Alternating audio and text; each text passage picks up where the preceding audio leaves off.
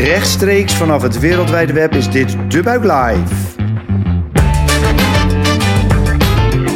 Goed dat je luistert naar De Buik Live, de podcast van De Buik over trends in de wereld van food, drinks en hospitality. Ik ben Gijzig Brouwer, oprichter van De Buik en Food Trend Watcher. Elke aflevering van De Buik Live praten we je bij over één belangrijke trend, zodat jij precies weet wat er speelt. Dit is een speciale editie van de Buik Live, onderdeel van een serie over de coronacrisis. Vandaag dus niet live op een evenement, maar gewoon vanuit huis. Mijn gast vandaag is Wouter Verkerk, expert op het gebied van gastvrijheid, adviseur in de horeca en auteur van vele boeken hierover. Wouter, wil jij jezelf kort voorstellen? Zeker. Ik ben uh, Wouter Verkerk. Ik, uh, ik heb een horeca-achtergrond uh, in, in die zin dat ik uit een horeca-familie kom. Uh, ik heb de afgelopen jaren gewerkt in de horeca-uitzendbranche. Eigenlijk is dat de eerste 15 jaar van mijn carrière geweest. En sinds 12 jaar heb ik een eigen bedrijf waarin ik horeca-ondernemers begeleid in het ontwikkelen van hun serviceconcept. En dat doen we door middel van training, advies en het ontwikkelen van nieuwe concepten.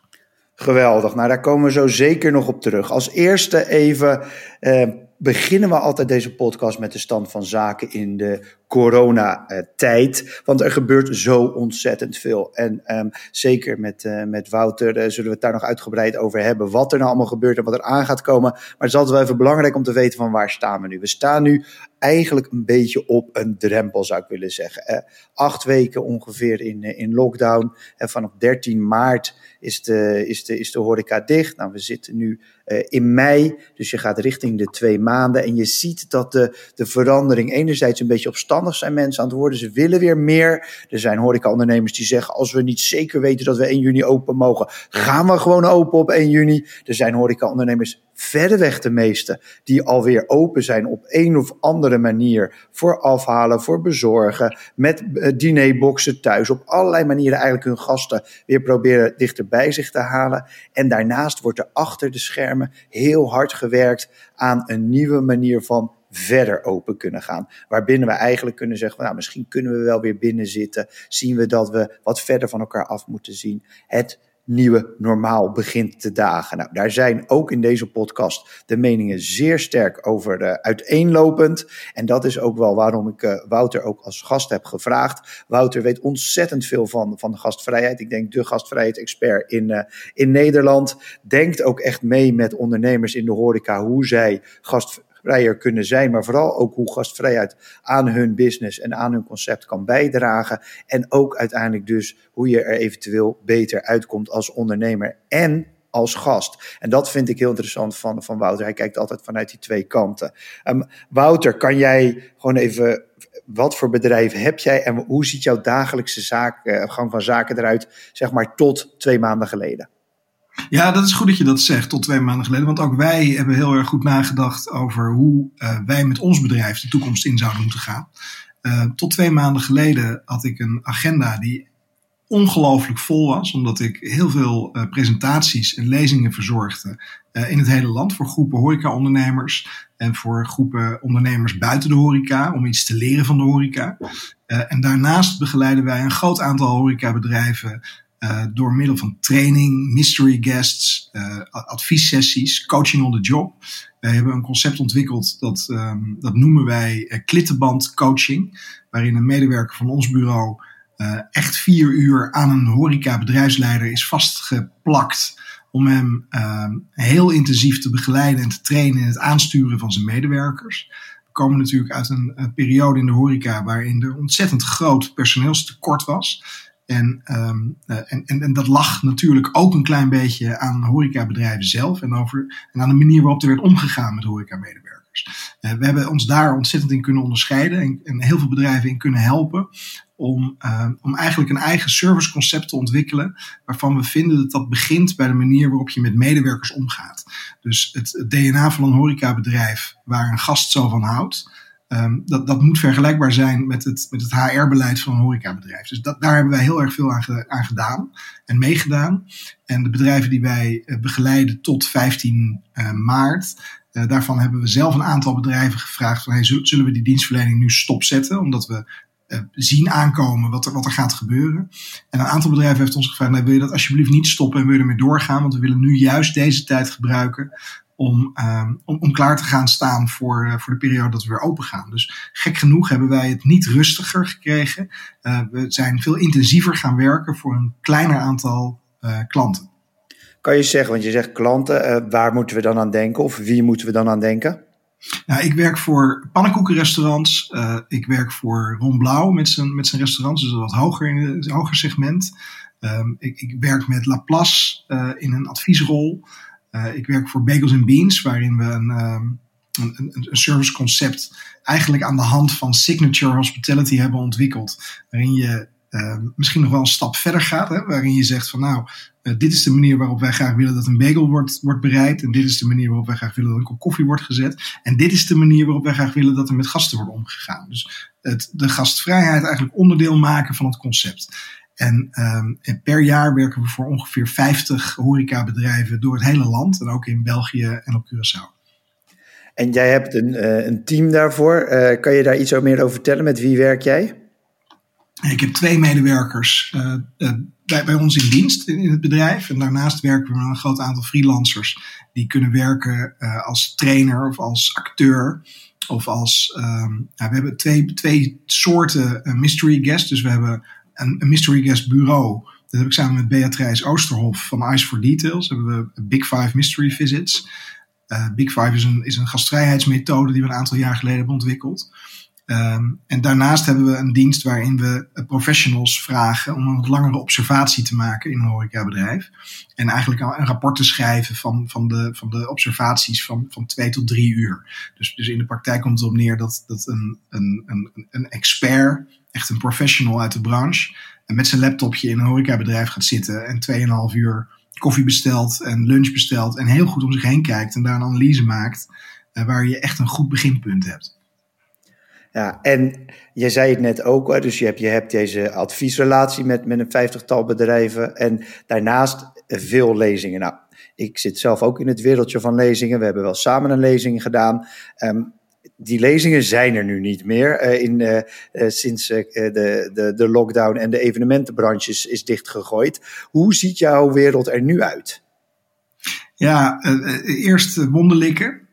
Ik, ik, ik merk dat je door een aantal fases gaat. Hè? De, de, de 15 maart kwam uiteindelijk die persconferentie horeca dicht. 13 maart had je volgens mij, of 12 maart, het moment dat er werd gezegd dat evenementen en bijeenkomsten van 100 mensen of tot 100 mensen uh, werd verboden.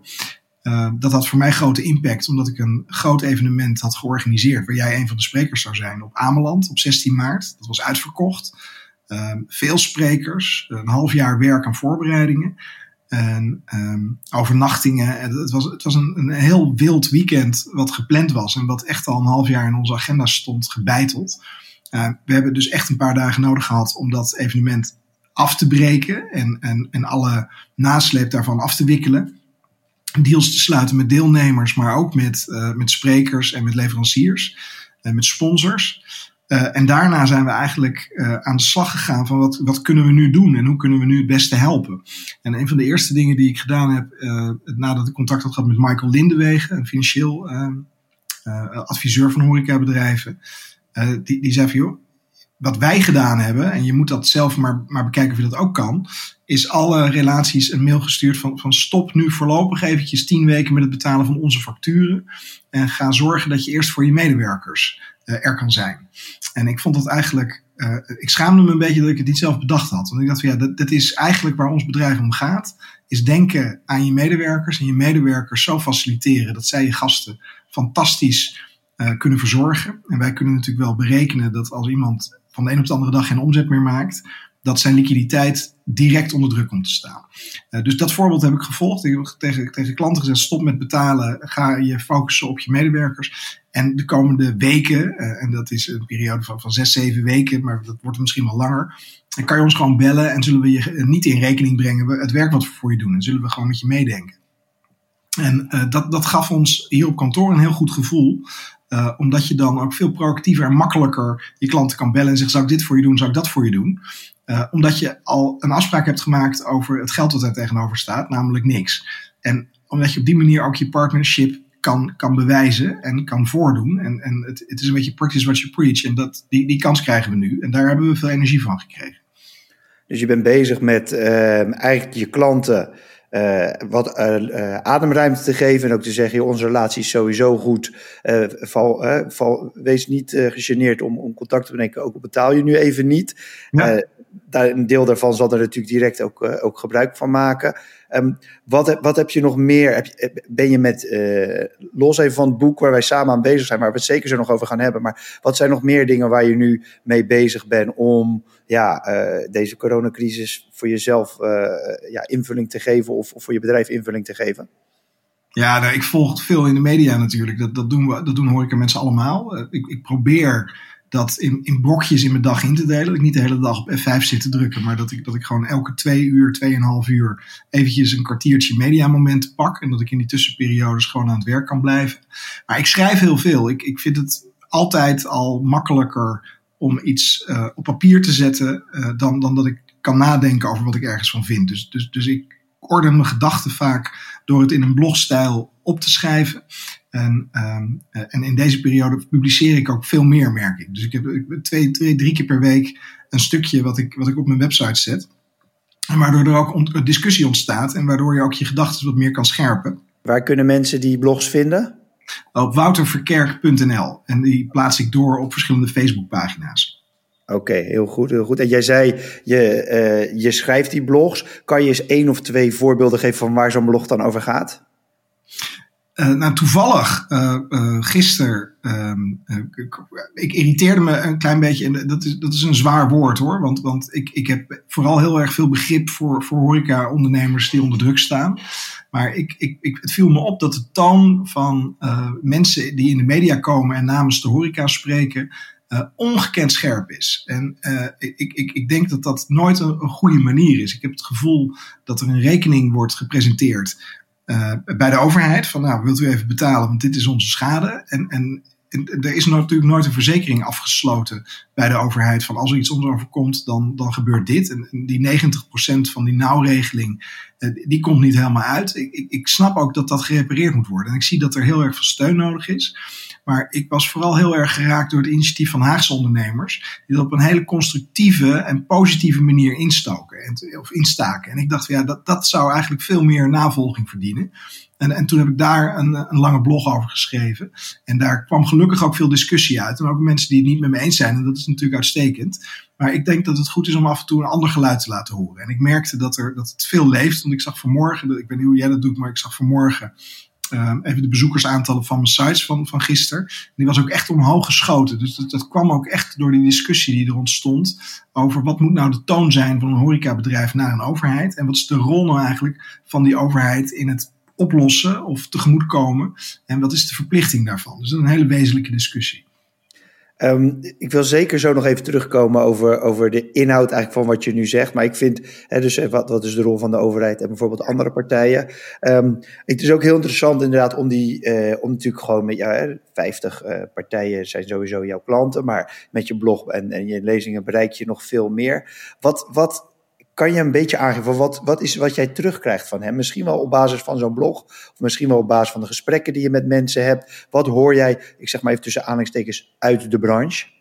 Ja, heel gemixt beeld. Ik, ik, ik heb uh, opdrachtgevers die uh, echt paniek hebben. Die, die, die zeggen echt van ja, dit, dit, dit, dit gaat zo niet langer. Ik heb, ik heb echt pech, want ik heb bijvoorbeeld een heel erg klein uh, terras, wat ik super slim heb ingericht met heel veel banken en heel veel lounge, uh, waar ik alles bij elkaar 200 gasten in kan proppen. Maar met anderhalve meter heb ik er straks misschien wel 30. En mijn hele businessmodel is eigenlijk gebaseerd op massa is kassa. Dus, dus deze periode doet al heel erg veel pijn, maar ik zie het gewoon ook in de maanden daarna niet goed komen. Nou, dat, dat, dat is een reëel probleem. Hè? Dat, daar hebben meer mensen last van. Een klein café heeft er ook last van. En die, die uh, die, die zoeken dan ook, dat merk ik veel, de oplossing in. Kunnen we het niet gewoon loslaten? Kunnen we niet gewoon allemaal ziek worden? Dus, dus die, die gaan bijna virologische oplossingen zoeken voor, om, om, om het probleem van hun bedrijf maar op te lossen. Nou, dat begrijp ik. Ik zie ook ondernemers, en dat zijn kleinere ondernemers, die zeggen: uh, ik was zo blij dat de overheid met tegemoet kwam met die 4000 euro. Uh, ik heb ehm, een nauwregeling voor mijn medewerkers. Ik ben met mijn takeaway begonnen. Ik heb nu sommige zaterdagen met een omzet van 18, 1900 euro, waar ik vroeger uh, misschien 3200 haalde, maar wel met 5, 6 man personeel stond te werken. Uh, die eigenlijk zegt, joh, als, als dit zo blijft, dan red ik het sowieso nog wel een paar jaar. Dus, dus, dus het is zo'n, de, horeca, dat ik heb daar wel eens vaker een stuk over geschreven. Het is eigenlijk jammer dat we het hebben over de horeca. Want met de horeca hebben we het over een heel erg klein bruin cafeetje tot en met een vijf sterren hotel met immens veel ruimte. En, en die problemen zijn, zijn zo verschillend op al die verschillende sectoren, dat het heel lastig is om te zeggen, de horeca heeft het zwaar of de horeca heeft een probleem. Er zijn horecabedrijven die op dit moment echt zichzelf opnieuw uitvinden en ongelooflijke dingen bereiken.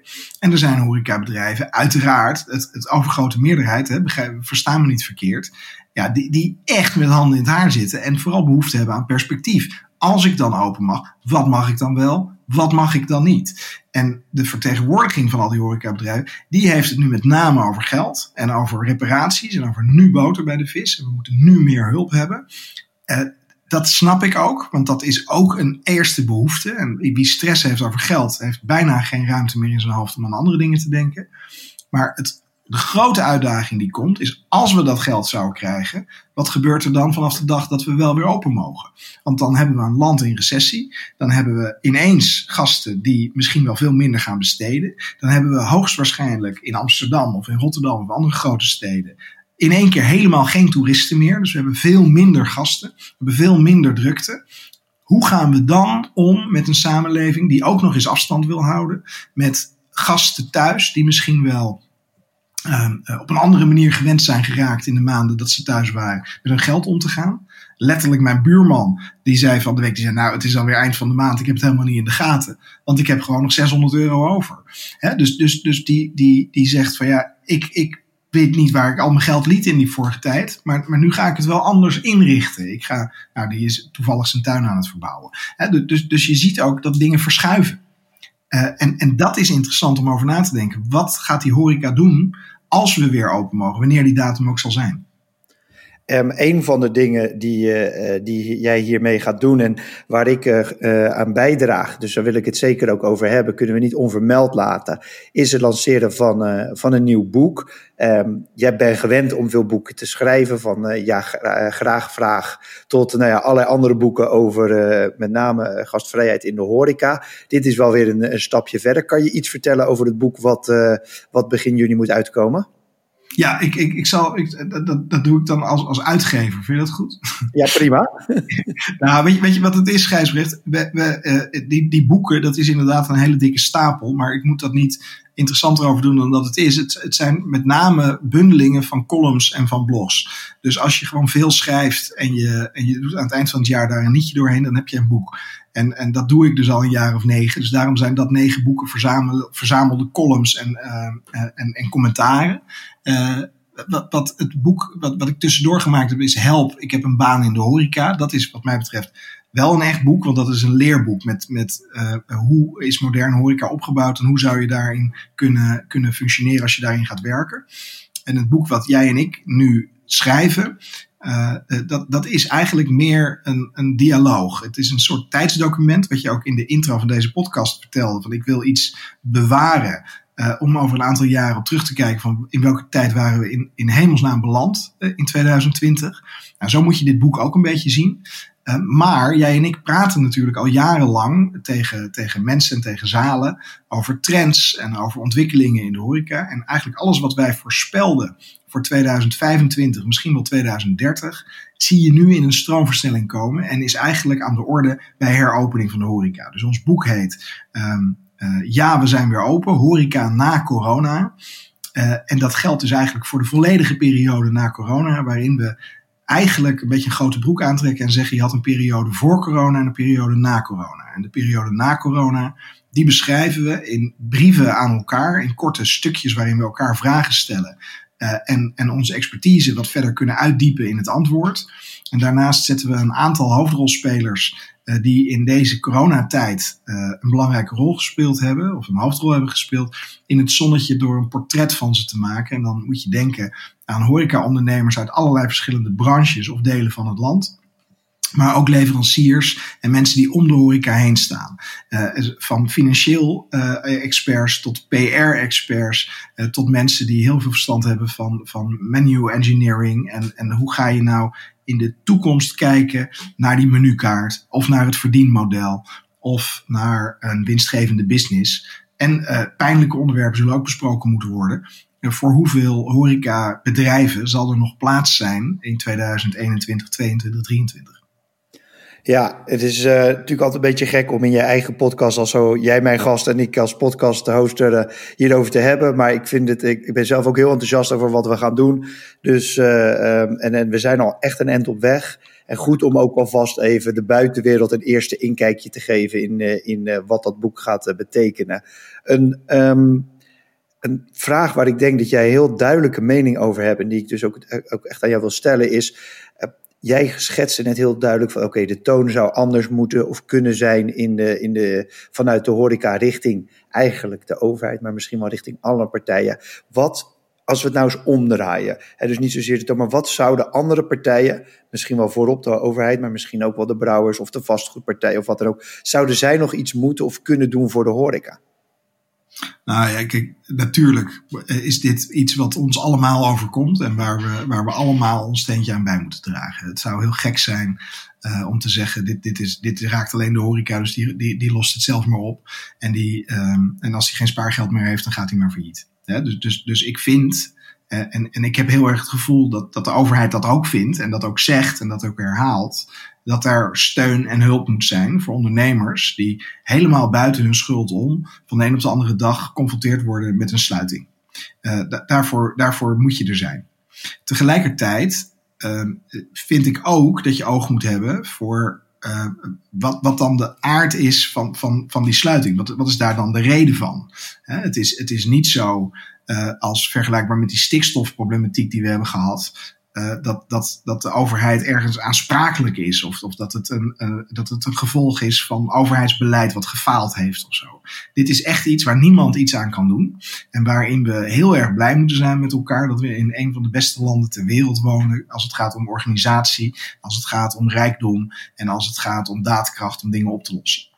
Uh, ook denk ik dat je, dat je moet onderkennen dat uh, Nederland uh, in de top 5 staat van landen ter wereld met de soepelste lockdown. we hebben vanaf dag 1 mogen bezorgen. We hebben vanaf dag 1 afhaal mogelijk gehad. We hebben vanaf dag 1 alle hotels eigenlijk open gehad. als je nu ziet wat een feest het, het, het, is in Spanje, wanneer er wordt aangekondigd dat dat afhaal misschien weer mogelijk gaat worden. Hè? Dus, dus, dus eventjes ook plaatsen in dat perspectief. Dat is denk ik belangrijk om te doen. Ook al begrijp ik dat er nu vast iemand is die luistert en die zegt: ja, maar daar, daar, daar, daar overleef ik geen dag langer door, door dat te weten. Maar het is wel belangrijk om een uitgangspunt te hebben. En um, uh, ik wil helemaal met niemand ruzie maken over jullie doen het verkeerd. Want ik denk dat Horeca Nederland een ongelooflijke prestatie aan het leveren is. Met alle mensen die betrokken zijn en echt willen helpen. Het enige wat een buitenstaander uh, van, van onze wereld zegt, is, is van, jij, ik, het enige wat ik hoor is dat de horeca klaagt. En, en, en niet bezig is met perspectief. En, en ook niet bezig is met als er een anderhalve meter samenleving komt, ja, dan gaan we er het beste van maken. Nee, het enige wat, wat, wat er naar buiten komt qua geluid is, uh, ja, maar dat is voor ons niet mogelijk en dat kan niet. En we moeten gewoon open, want anders gaan we allemaal failliet of jullie moeten betalen. Uh, ik, ik denk dat, dat, dat ons vak tekort doet. En ik, hoor ook steeds vaker ondernemers die, die gek genoeg dat niet onder een stukje van mij schrijven, maar dan een, een berichtje naar me sturen. En zeggen wel goed dat je dat even, even zo zegt, want, want ik ben ook niet altijd even blij met die toon. En heel herkenbaar ook. En die, ook die tweesplitsing. En ik zie ook, de, er zit een stuk bozigheid en een stuk ook positief ondernemerschap. Dat laatste daarop aansluitend. Um, zie jij ook kansen? Of zie jij dingen die nu kunnen die eigenlijk anders niet gekund hadden, uh, doordat we ineens midden in zo'n crisis zitten? Nou ja, kijk, um, uh, de, de, vraag is: hoe had het uh, door moeten gaan als die coronacrisis niet over ons heen was gekomen en we door waren gedenderd in het tempo waar we mee bezig waren? Ehm, dan was 2020 waarschijnlijk het laatste jaar geweest dat attractiepark Amsterdam was opengegaan met een overvloed van toeristen. Uh, dat, dat had bijna niet gekund met dat EK voetbal en dat Songfestival en sale. Uh, plus dan nog eens een keertje de, de gebruikelijke groei uh, van, van tientallen procenten aan het aantal toeristen. Het, het, het, het, het, het ontplofte en tegelijkertijd zaten we met een immens personeelsprobleem. Het was, het was niet meer te doen. En ik heb echt verschillende ondernemers gesproken in de afgelopen tijd. Die zeiden, ik, ik heb de helft van mijn zaak nog maar open, want ik kan geen medewerkers meer vinden. Dus, dus, dus we stonden op een heel gek kantelpunt. En, en nu zie je ondernemers, die maken de keuze. Uh, sommigen zeggen, oké, ik stop er gewoon mee. Want, want het, het, het kon ook al niet en het werkte al niet. En nu dit ook nog komt, heb ik eigenlijk het verzoek gekregen uh, van de situatie heb je zin om nog tien jaar in dit tempo door te ondernemen? Want je zal financieringen moeten gaan afsluiten. Je zal moeten gaan herstructureren. Je zal er een nieuwe uh, knal tegenaan moeten geven. Ja, en dat betekent dus eigenlijk, heb ik zin om dit nog wel tien jaar te doen? Een aantal ondernemers zeggen, nee, dat wil ik niet. Ik stop er nu mee. Ik, ik vraag faillissement aan. Of ik uh, stop gewoon met de onderneming. Ik staak de onderneming. Dus dat, dat is wat je uh, bij een aantal ziet dat is een momentum waar zij gebruik van maken. Een aantal anderen die zegt, ik was toch altijd al van plan om mijn zaak nog eens een keer helemaal om te gooien. En die zijn meteen volop gaan verbouwen. Uh, er is een aantal zaken die zeggen, nou wij, wij fuseren in deze tijd en we gaan hetzelfde logo uh, hanteren. En we gaan eigenlijk een soort nieuwe keten vormen. Weer een aantal ondernemers die zegt, ja, dat, dat bezorgen en dat afhalen en het nadenken daarover, dat bevalt me eigenlijk wel. Uh, en dan vooral nieuwe vormen van dat bezorgen. Hè? Dus, dus je had het al eventjes over net. Je kan zeggen van, joh, ik laat een pizza komen. Maar je kan natuurlijk ook zeggen, uh, wij organiseren bij u thuis vanavond een pizza night. En dat betekent dat je drie bolletjes deeg krijgt, dat je een deegroller krijgt, dat je alle ingrediënten in bakjes krijgt, dat je er een hele gave video bij krijgt, dat er een fles Amarone bij zit en dat je 75 euro vraagt. Dus, dus het, het, het, het, het aanbieden van een beleving thuis dat zit ontzettend in de lift. En dat hebben we heel snel ons eigen gemaakt. En je ziet ondernemers daar ook echt succesvol in zijn. Eh, mooi, en ik, ik, ja, ik ben dus, uh, misschien zoals je weet, een enorme liefhebber van, uh, van het traditionele uit eten gaan. Mm -hmm. En ik voelde me in dat opzicht enorm locked down. Ik heb ondertussen vijf of zes van die boxes thuis laten komen, waarbij je dat thuis dan een restaurantje speelt, noem ik het maar, Lego pakketten.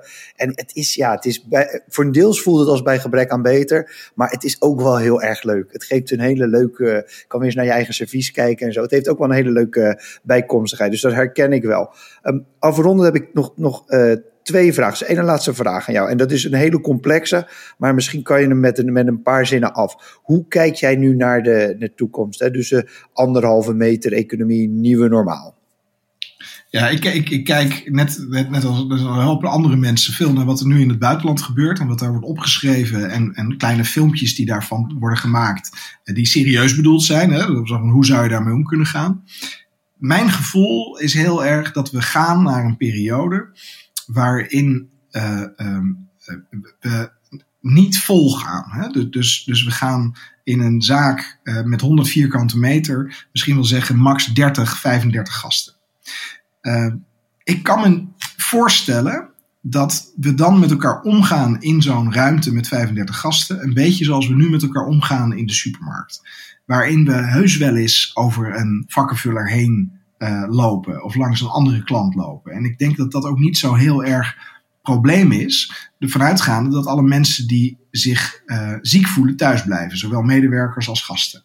Dus de kans op besmetting wordt, zoals we nu dat virus leren kennen, dan eigenlijk wel wat kleiner. En, en als we voorkomen dat we met 300 man in een volgepakt steakhouse gaan zitten, het, dat, dat, dan is dat te overzien. Dus die, die versoepeling, die zal er zijn. En die zal er in de praktijk ook zijn. En die angst van ja, maar anderhalve meter is voor mij volledig onmogelijk. Want, want mijn wc's achter in de zaak betekent al dat ik die hele ruimte niet meer kan gebruiken. Ik denk dat je dan een beetje doorslaat. Dus ik denk dat die mogelijkheden er zullen komen. Niet meteen, want meteen zal de eerste fase van opening zal, heel strikt zijn. Maar al in fase 2 uh, kan ik me voorstellen dat, dat er een interpretatie komt van max aantal gasten. En dan houden we het daarbij. Ja, ik denk, uh, ik, ik ga daar heel erg in mee. En, en helder ook om te zeggen, dat doe je eigenlijk soort van bijna in een bijzinnetje. Maar we gaan in verschillende fasen denken. En we zullen uh, elke keer een beetje meer weer naar, naar meer mensen in onze zaak gaan. En, en daar ook waarschijnlijk op die manier aan wennen. Ja, Wouter, ehm, wat ik super leuk vind altijd, uh, zelf persoonlijk, maar ook omdat de luisteraars van deze podcast ook zelf gewoon heel erg van lekker eten houden, is deze vraag, en daar ronden we ook mee af, van waar haal jij zelf nou, of waar bestel jij zelf graag? Je woont in, uh, in, in, Noordwijk, je werkt in, in Amsterdam. Ik woon, dus, ik woon ook in Amsterdam. Ik woon ook in Amsterdam. Je woont, sorry, je woont in Amsterdam, excuus, excuus. Je woont in Amsterdam, je werkt in Amsterdam, dus waar haal jij zelf graag af? Ja, dat zullen mensen die van lekker eten houden ook herkennen. Uh, dat, dat, dat, dat hangt echt zo af van het weer, van hoe je je voelt, uh, van wat je gelezen hebt die dag. Uh, ik, ik, ik ben dol op Aziatisch eten. Ik hou heel erg van Indonesisch eten. Ik hou erg van de, van, van, van de keuken van Agus, die, die voor Ron Blauw Indonesia restaurants heeft. Ik, ehm, ik, ik hou van Frans eten. Ik, ik hou van vlees. Maar ja, ik, ik, ik, dat is mijn probleem. Ik, ik vind echt alles lekker. En waar heb je recent nog wat gehaald? Uh, nou, ik, ik heb toevallig uh, uh, samen met mijn vrouw afgesproken in, in de afgelopen zes weken dat we elke week eigenlijk een ander project doen.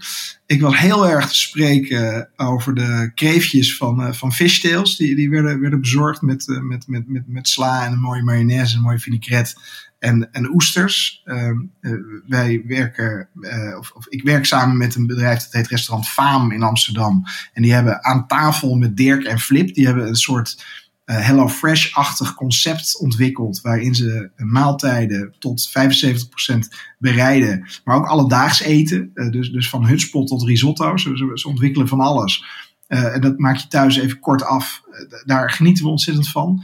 Uh, een ander initiatief van een uh, groothandel voor horeca. Die, die, ik, ik kwam die man tegen uh, drie weken geleden. En die vertelde me heel enthousiast over hoe hij zijn groothandelsbedrijf in vis eigenlijk had omgevormd naar een boodschappenservice voor mensen thuis. Maar met een waanzinnig lekkere bestellijst. Uh, met alleen maar lekkere delicatessen uit die hij normaal gesproken aan horeca levert. Nou, daar hebben we nu twee keer uh, een grote bestelling gedaan. Dus ik ben thuis ontzettend veel meer aan het koken. Ik denk dat veel mensen dat aan het doen zijn. Je, bent allemaal, je hebt opeens tijd voor recepten. Dus dat doe ik veel. En ik maak, probeer één keer in de week een, een receptje van Julius Jaspers te maken op zijn Instagram. Want dat vind ik ook heel inspirerend.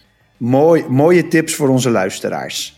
Um, dank ook voor, jou, uh, voor jouw bijdrage, Wouter. Ja, graag gedaan. Dit was De Buik Live, de live podcast van De Buik over trends in de wereld van food, drinks en hospitality. Nogmaals dank aan mijn gast Wouter. Ik ben Gijzer Brouwer en vraag jullie maar één ding. Als je het een leuke podcast vond, stuur hem dan door naar iemand anders. Heb jij nog onderwerpen waar we het over moeten hebben? Laat het me dan weten in de comments of stuur me een berichtje. Dank voor het luisteren en tot de volgende aflevering. Cheers!